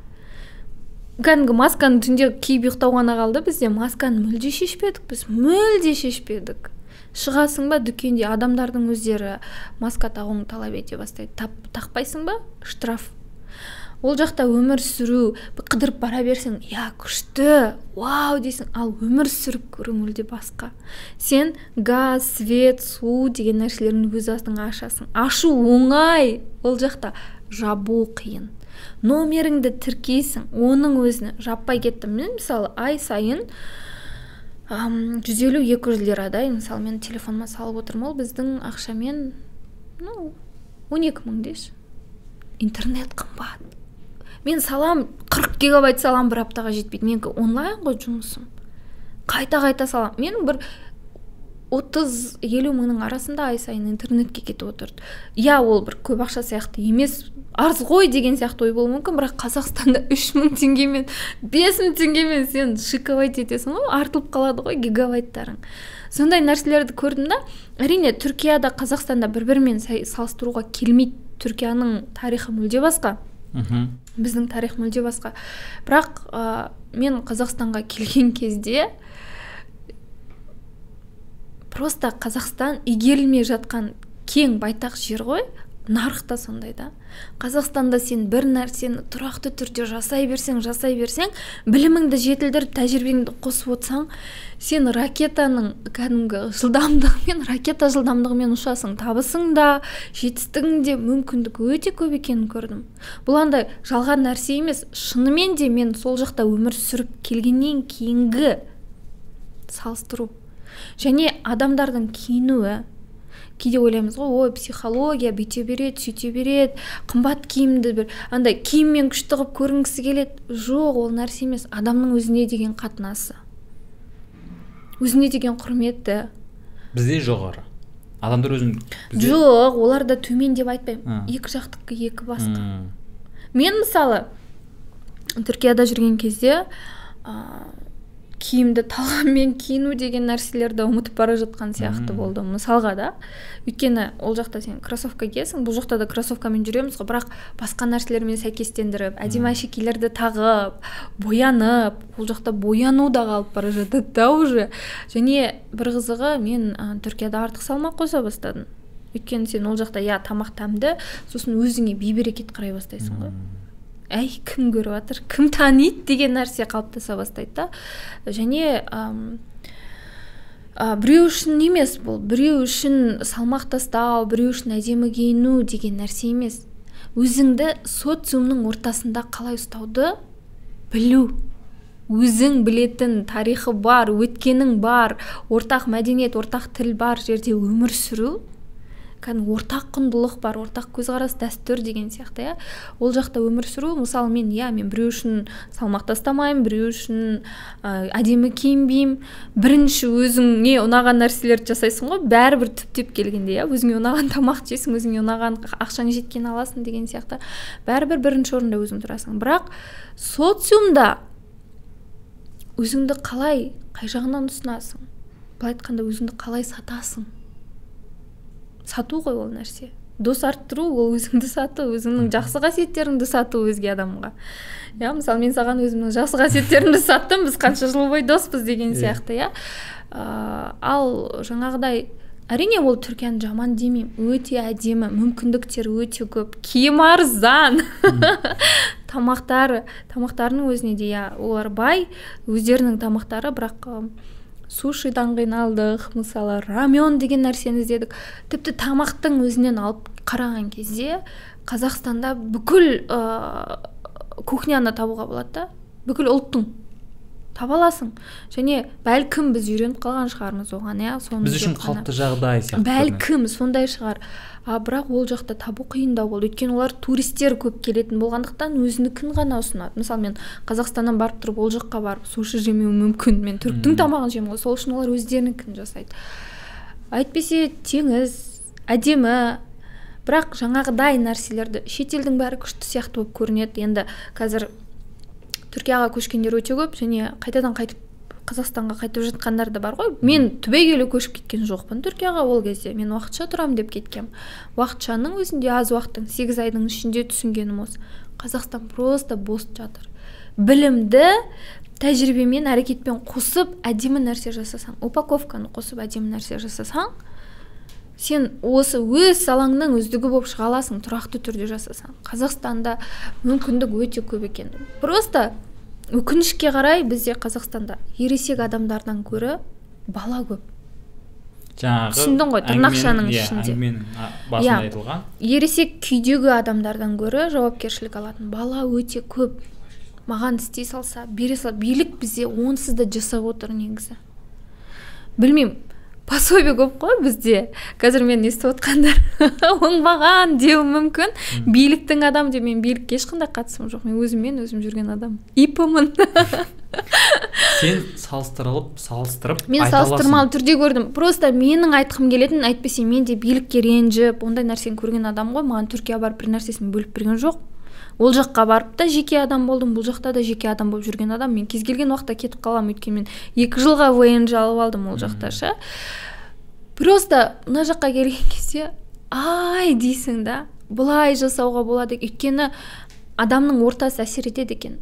Түркияда бәсекелестік өліп жанталасып сен барып көрсең бір көшенің бойында бірдей дүкендер тұрады да. Неге олар келе қал менен ал асты үстіңе түседі сервис күшті дейміз. Иә өйткені бәсекелестікте солай сервиспен алмаса клиенттер басқа конкуренттер кетіп қалуы мүмкін. Ол жақта ресторан да көп. Тем более осы пандемия кезінде турист азайды ғой. Қаншама ресторандар жұмыссыз немесе клиентсіз тұрғанын көрдім да. Олардың қалай қандай нәрсемен тамақ ыстық тамақ берсе заказ берсең измирде жүргенде қасына салатын қосып беретін. Наны тегін салаты тегін тек ыстық тамақ алып кетесің. Немесе кейбіреулер шай береді кейбіреулер басқа нәрсесін қосып береді да. Өйткені бәсекелестік көп ол жақта. Шынымен де дәл осы енді туризммен ғой көбірек стамбул. А басқа жақтар өздерінен шығарылатын өнімдер жеңіл өнеркәсіп немесе жаңағы ауыл шаруашылығында өндірілетін өсірілетін нәрселер ғой көбінесе өнімдермен күн көріп отқандықтан бәсекелестікті көресің. Және олар сау бәсекелестік. Жаңағы бір бірінің аяғынан шалу емес олар шынымен өз еңбектерімен бір бірінен озуға тырысып жатқан бәсекелестік та. Қазақстанға келген кезде шынымен де мүмкіндіктің көп екенін көрдім. И идеяларды шетінен іске асырып жасасаң сен өз салаңның үздігі болып шығасың. Ә, эльвира негізі ә, өте күшті әңгіме болып жатыр. Енді м білмеймін сен үшін бұл қаншалықты ауыр тақырып. Ә, негізі бұл мұндай тақырыптарды жеке тәжірибесімен жеке тәжірибесінде болған адамдар айта бермейді. Ол суицид яғни өз өзіңе қол жұмсау иә? Сенің өміріңде ол жағдай болды ондай оқиға болды. Сен бір постыңда айттың ол нәрсені ашық айту керек деп. Иә. Ә, бірақ бізде қоғам қабылдай бермейді ғой ондай нәрсені. Мхм. Неге айтып жатыр деген сияқты ше? Тура бір насихат сияқты қабылдайды. Сен ә, ол ситуация қалай болды? Жаңағыдай суицид иә? Сен үшін неге ондай қадамға бардың? Ә, және оны бірнеше жылдан кейін өзің мойындап ашық жариялауыңа не түрткі болды? Мхм. Маған бұл негізі ауыр емес бір кездері ауыр болатын. Қазір ауыр тақырып емес жоқ қазір оңай бөлсем бір кездері жылап драма эльвира көбірек драма. Иә бұл тұп тура он жыл бұрын болды. 2011 жылы. Екі мың он бір он тоғызыншы апрель деп күніне дейін жаттап алғанмын ә, неліктен болды. Менде ә, былай сұрайды да көбісі. Мен алдында тедикста да шығып айттым. Суицид деген ол бір ғана ситуацияның әсері емес. М. бір ғана ситуация бола салып адам суицид жасай салды деген өтірік нәрсе. Оған дейін тамшылап тамшылап тамшылап жиналатын ықпалдар болады. Мен де жаңа айттым ғой балалық шақтағы психологиялық травмалар. Оның өзінің себептері бар да неліктен болғаны ата әжеде өсу және олар маған қатал болған себебі өзінің баласы болмаған соң жауапкершілікті екі есе күшейткен. Олар махаббат беріп жатырмыз деп ойламағанмен ойлағанмен мен қысым көріп жатырмын деп ойлағам. Түрлі түрлі нәрселер бар былай да былай качелялар бар және өмірде әке шешемнің туған әке шешемнің дұрыс өзімнің жанымда өспеуі бар және мен олардың өтірігін білгем менің биологиялық әке шешем кім мыналар маған ата әже екенін кішкентай кезімде біліп өскем. Өйткені балалар мені көп мазақтайтын сені асырап алған асырап алған. Сөйтіп жүріп мен жеңгемнен сұрағанда давай по секрету айтып беремін деп маған айтқан етін ол нәрсе. Бірақ маған енді баламын ғой ол кезде қазіргідей қабылдай алмаймын. Мен ол нәрсені естіп мені бұлар алдайды. Мені әке шешем керек ет- керек емес қылып бере салған неше түрлі фантазиямен бұрмалап аласың да ол сенің ішіңдегі ә, психикаңның қалыптасуына әсер етеді. Сен ә, өзіңді қалай қабылдайсың? Әлемді одан да күштірек қабылдай бастайсың да сол күшейген формасында. Мен ешкім жақсы көрмейді мен ешкімге керек емес. Менде негізі суицид деген нәрсе балалық шақта бір екі рет ойыма келеді балалық шақта ойлайтын мен әке шешем неге тастап кетті? мен не нәрсеге кінәлімін? не болмаса оның да себебі бар да менің әжем өзінің мен туылардан екі ай бұрын қайтқан қызын жылап сағынып отыратын. Менде сонда өлім деген нәрсе андай адамды жақсы көру үшін өлу керек иә иә адамды сағыну үшін өлу керек деген сияқты ертең мен өлсем олар бәрі Иә, жылайды. өкінеді мені іздейді әке шешем деген сияқты. Көп сондай бір ғана фактор емес өте көп ол нәрсе. Үлкен өмірге келген кезде мен жігіттермен қалай сөйлесу керек мен білмеймін. М, мен жатақханада тұрдым. Вообще еркіндік деген не ол? Немен жейді мен білмеймін. Қалай өзімді ұстауым керек? Білмеймін. Солай жүріп ыыы екінші курсымда уже тұрмыс құрдым. Үшінші курсымда балалы болдым. Төртінші курсымда уже дипломды алуға ажырасып келдім. Аз уақыттың ішінде өте көп нәрсе болып кетті менде. Өте көп нәрсе болды. Және одан кейінгі өмірлер жұмыс іздеу жұмыс таба алмау ақша таба алмау немесе жаңағы туысқандардың қысымы қатты болады ажырасқан кезде. Кейбір туыстардың сөзі болады. Сен біздің сүйегімізге таңба болдың біздің тұқымымызда ажырасу болмаған. Бүкіл әулеттің бүкіл ненің абыройына нұқсан келтірдің деп өзін көтере алмайтын жүктерді арқалатып қоятын сәттер болады. Мен оларды кінәламаймын ықпал етуші факторлар. Просто иә қателестің ол қателік болып жатқан өзіңде түсінбейсің бір проблемадан шығамын деп одан да күрделі проблема жасап аласың. Ондай сәтте әрине қолдау керек. Мен ондай қолдауды таба алмағандықтан және мен әке шешеммен де байланыс дұрыс емес олармен ашылып сырласа да алмаймын олардан сұрай да алмаймын. Олар мені и так қасына жақындатпайтын немесе ата әжеммен біздің арамыз жас алшақтығы болды. Қысқасы өзімді өмірде жалғыз қалған адам сияқты. Сөйттің да? Төртінші қабаттан секірдім. Осознанно иә? Саналы түрде. Саналы түрде. Ешқандай ішімдік вечеринка көбісі ойлайды ғой сен бір нәрседен біреу зорлайын деп жатқанда қашып кеткен шығарсың. Жоқ кәдімгі саналы түрде мен болдым біттім кеттім деп мен үйде құрбым болған. Амина деген және өзімнің туған сіңлім болған меруерт. Көрді олар. Байқамай қалды не болған өздері де түсінбей қалды деп ойлаймын. Мен мен біттім кеттім деп. Солай қадам жасаған адам ертесіне блин реанимацияда оянып тұрмын ғой. Еще аяғым сынған омыртқам сынған. Бір жарым жылдай төсекке таңылып жаттым. Бір қызығы суицид жасаған кезде өліп кетсең жақсы екен да а вот өлмей қалсаң проблемаң екі еселенеді. Екі емес мың еселенеді. Өйткені бүкіл өміріңе жаныңның ә, ауруына тәніңнің ауруы қосылады. Мен одан кейін әлі мен денсаулығымды реттеуге тырысып жүрмін әлі психикамды реттеуге тырысып жүрмін. Он жыл өтті. Уақыт ақша қаншама нерв талшықтары отбасының барлығы. Бірақ таки мені үйдегілер ә, сол күйде мойындаған жоқ. Бәлкім ол кездегі суицид деген үйдегілерді жаңағыдай назар аудартудың бір қадамында болған шығар. Бірақ менің түсінгенім өлім ешқандай шығатын жол емес.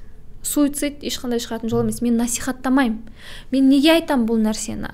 Себебі біздің қоғамда мынандай нәрсе бар да сен жеткен жетістігіңді алған асуларыңды күшті қылып айтуға сенің құқың бар. Адамдар вау тамсанады да ал жасаған қателіктеріңді айтуға мүмкіндік бермейді.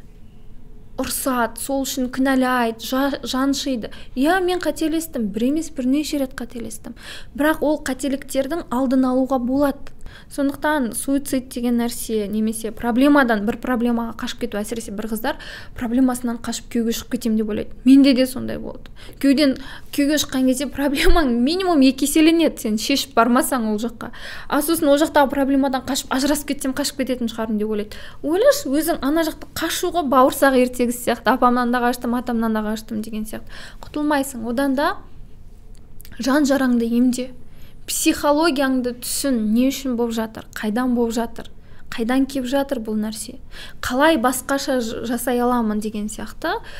Мамандарға бар ақшаң жетпесе жаңағыдай ақпараттар көп қой тегін қазір кез келген психолог деген маманның парақшасын оқысаң неше түрлі ақпарат жазып жатыр. Шүкір оған да ше тегін ақпараттар немесе тегін сабақтарын қара.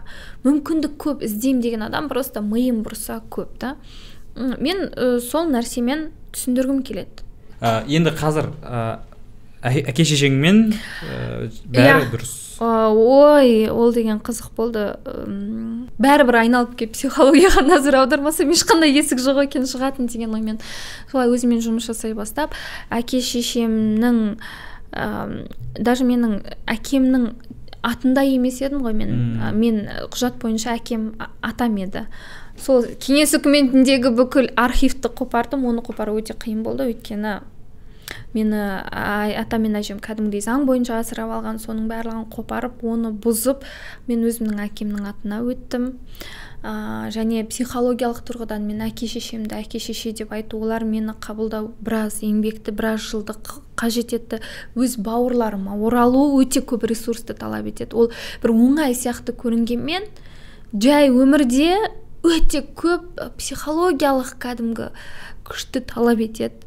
Ол нәрсенің бәрін жасау. Сосын туыстар а ана кемпір шал өлді таптың ба өз әке шешеңді м деген нәрсе шығады. Ол қысымды реттеу. Ә, мен андай кішкентай болсам да өте үлкен еңбек тындырдым деп ойлаймын. Өйткені мен үнемі айтамын ғой құдай қаласа мені әжемнің құрсағына бітіретін еді құдайдың жасаған ісін біз түзете алмаймыз біз құдайға мынауың қате деп айта алмаймыз.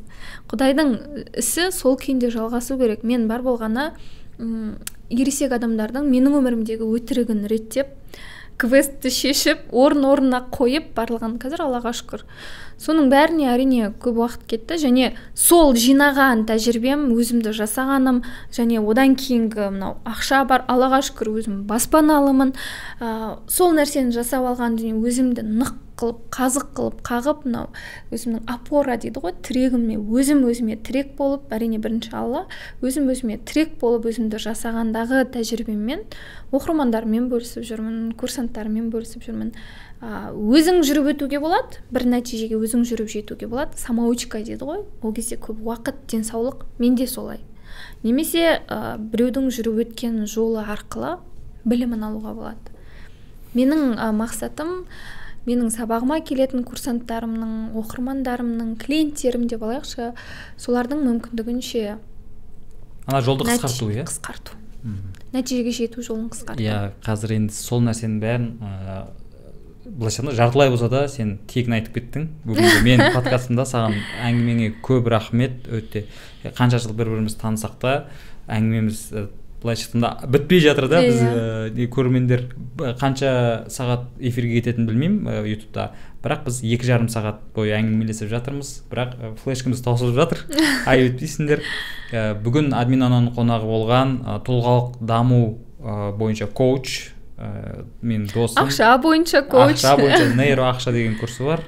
Ә, эльвира ергалина ә, каналға жазылып қойыңдар коммент лайк ә, аянбаңдар және whatsapp арқылы таратыңдар. Мына әңгімені негізі барынша жаңағы туған туыс ағайын бауыр бәрі есту керек. Рахмет көп рахмет нұрмахан көп қалай болды жалпы өзіңе? Маған ұнады.